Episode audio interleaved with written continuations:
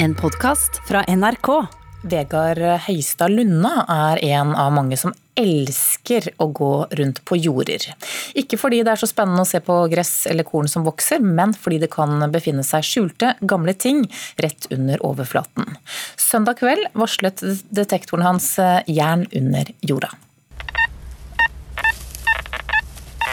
Nå førte detektoren på langs, og da så jeg at signalet var lengre enn jeg hadde forventa. Det sier Vegard Høistad Lunna. Normalt pleier ikke han å grave når søkeren finner noe av jern, fordi det er så mye jernskrot på åkrene. Men denne gangen skjønte han at det var noe spesielt han fant under bakken på en gard i Ringsaker. Og da gravde jeg selv om det var jernsignal, så jeg ble litt overraska hva jeg fant. Rett under bakken lå et sverd, antageligvis fra tidlig vikingtid. Jeg, som sagt så ble jeg veldig overraska, for jeg fikk jo enden av sverdet da, først fram, som var klingen som var skada, så jeg trodde det var metallskrot. Så jeg dro jo dette sakte ut, og så kom hjalten og sverdknappen til syne, så jeg ble jo veldig, veldig glad da, og overraska. Og glad, det ble da arkeolog i Innlandet fylkeskommune, Kjetil Skare. Det er sjeldent at vi får innlevert våpenfunn. Våpen ble levert inn ganske mange av på 1800-tallet, der man fjernet gravhaugene. mens nå for tiden får vi mest inn smykker og smykkedeler. Så våpen er sjeldent. Dette er et våpen som er fra tidlig, tidlig vikingtid, eller kanskje litt tidligere. Eh, så det er ikke av de aller vanligste sverdtypene her i Innlandet. Det som gjør dette funnet spesielt unikt, er at sverdet fortsatt er godt bevart. Og det til tross for at det trolig er 1200 år gammelt, og har ligget i dyrka mark hvor både plogen og harva kunne reve det i stykker. Overhjalte og underhjalte, dvs. Si overhjalte er det vi har på oversiden av hånden når vi holder sverdet ned med spissen nedover. Og underhjalte er det vi har som skal beskytte hendene våre mot hugg fra fienden. Her er både under, underhjalte og overhjalte fortsatt veldig intakt, sammen med sverdknappen som sitter her oppe, som er en del som kan variere litt sånn pyntemessig. Bladet er bøyd og brukket. Og det er ikke uvanlig at eh, bladene ble bøyd før de ble lagt ned i graven. Altså Man ødela gjerne våpen med vilje før man la de ned. Så det kan godt tenkes at denne her har vært ødelagt, at det ikke er plogen som har gjort det, men det kan også tenkes at det har vært helt, og at øh, da plogen tok tak i det, så, så knakk det. Nå sendes sverdet inn til oldsakssamlinga i Oslo, hvor det skal bli konservert. Og for Høystad Lunna fortsetter jakten på nye og spennende gjenstander under bakken. Og etter dette funnet er han helt sikker på én ting. Jeg går forbi de fleste jernsignal. Det gjør jeg nok ikke nå lenger. Reporter her, det var Stine Bekkelien.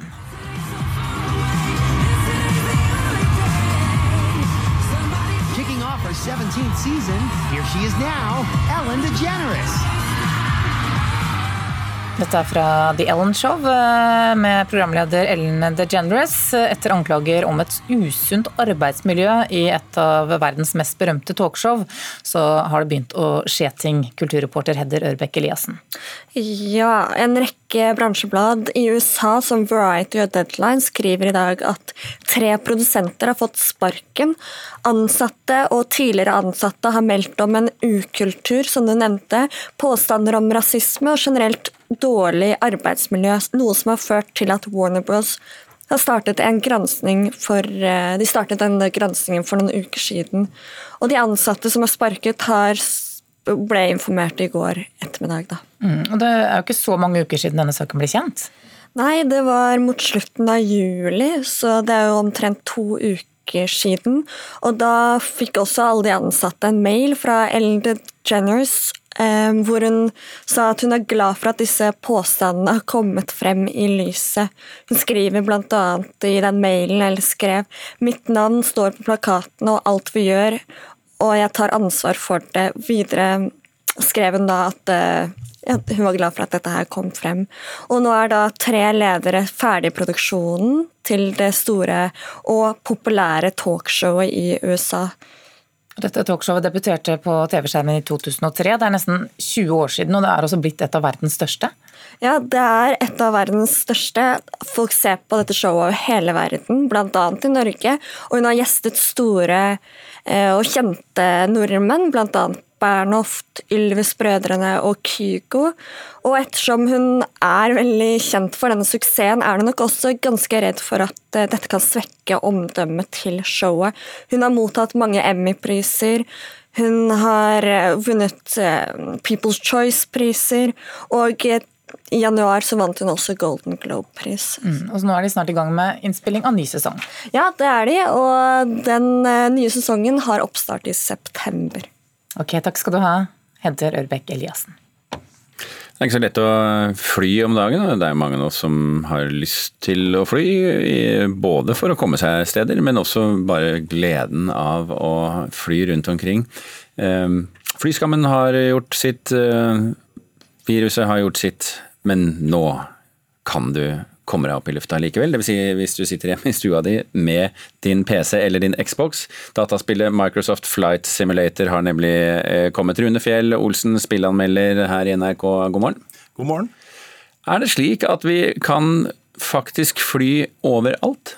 Ja, du får jo opp en sånn øh, jordklode, uh, digital jordklode. Så kan du snurre på den, zoome inn ut, velge da akkurat nøyaktig hvor du vil i hele verden. Og så fly derfra. Ja, Så du kan f.eks. Eh, gå inn i Marokko ja da. Eh, og, og fly la oss si nordover? ja da, det, det, kan du. Jeg har tatt flyturer over Gran Canaria og sett litt på liksom de der vanlige reisemålene som, eh, som folk savner nå. ikke sant? Ja. Jeg har flydd over Sognefjorden, over uh, norske viddene. Jeg har sett uh, Tokyo by night, uh, flydd gjennom skyskraper i New York. Det er helt fantastisk. Men, men, det heter flight simulator, og jeg, når jeg får det bildet i hodet, så tenker jeg at man sitter inne i cockpiten, og så ser man ut gjennom to små vinduer. Det er ikke helt sånn? Du kan velge å spille det sånn, og mange gjør jo det. Mange kjøper sånne svære kontrollsystemer som simulerer da en faktisk cockpit, med alle de samme knappene og sånt. Du må faktisk være eh, kunne da styre et faktisk fly for å spille på den høyeste vanskelighetsgraden her. Mm. Eh, men du kan velge å se liksom bak fly, eller eh, et stykke lenger bak fly, eller foran fly, eller bare fly. Trykke på knappen knapper og fly, liksom. Ja. Så det er da tilrettelagt for både de som er ekstremt glad i simulasjonen, eh, og de som bare har lyst til å fly. Men hva er, eh, hva er, hva er det morsomst eh, å, å, fly, eller å se det du ser når du flyr? Altså, det er jo litt både og, fordi uh, jeg tror nok mange kjenner seg den der følelsen av å se opp på skyene og tenke liksom, hva har man kunnet fly? Også den der barnlige uh, følelsen. Så det er gøy i seg selv. Uh, men det, jeg syns det er helt fantastisk å se denne virtuelle, digitale representasjonen av jordkloden. For den er jo gjenskapt da med værdata, satellittdata osv. Du, du flyr rundt en jordklode som oppdateres hele tiden, basert på virkelige data. Og det se, altså alt ser... Så kommer det en storm i Nordsjøen, så kan du fly inn i den? Ja, det er folk som chaser stormer allerede i dette spillet. Det er, eh, det er amazing, altså. Ja. Men det er ikke noe man skal oppnå, ikke sant, få poeng eller slå ut noen? Nei, nei, nei. Dette er bare Ikke noe sverd? Ikke noe sverd. Dette er bare avslappende. Nå setter jo spillerne seg sine egne mål.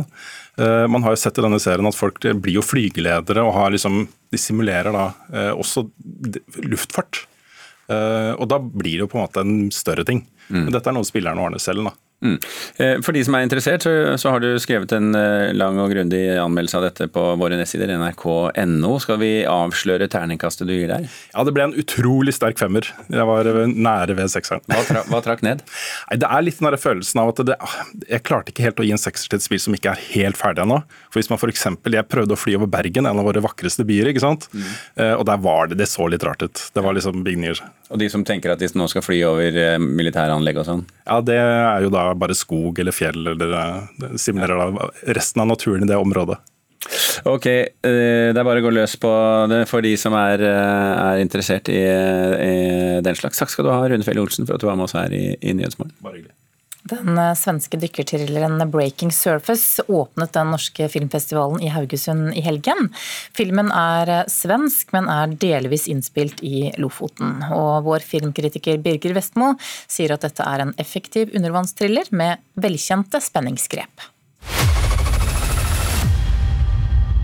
Skal du simme?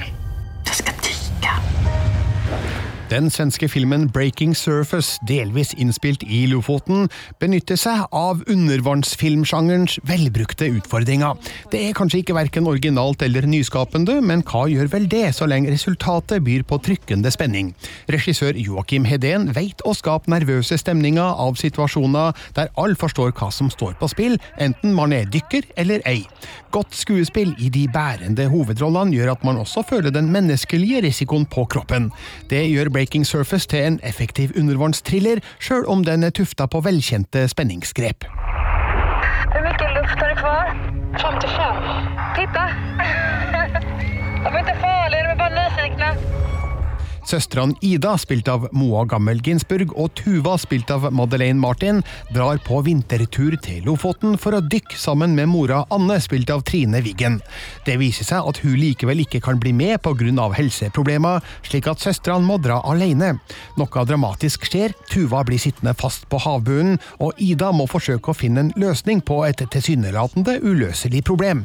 Hun har ingen muligheter til kommunikasjon, det er langt til folk, og luftbeholdninga synker stadig. Jeg sitter fast! Opp med din ficklampa, jeg måste se hvor det er!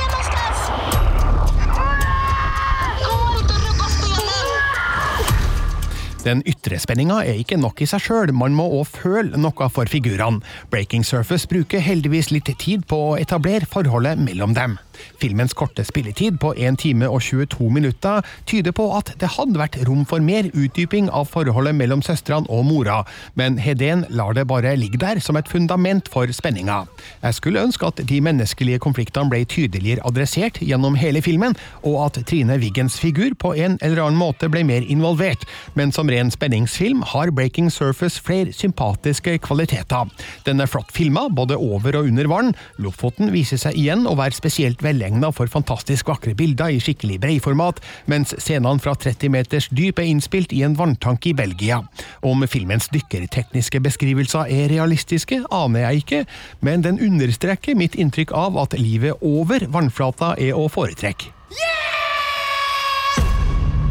Terningkast fire. Ja, Filmen ble anmeldt av kritiker Birger Vestmo. Den åpnet altså den norske filmfestivalen i Haugesund og har norgespremiere 4.9. Jeg tror ikke det er en film for folk som er vannskrekk. Garantert ikke. Du har hørt en podkast fra NRK.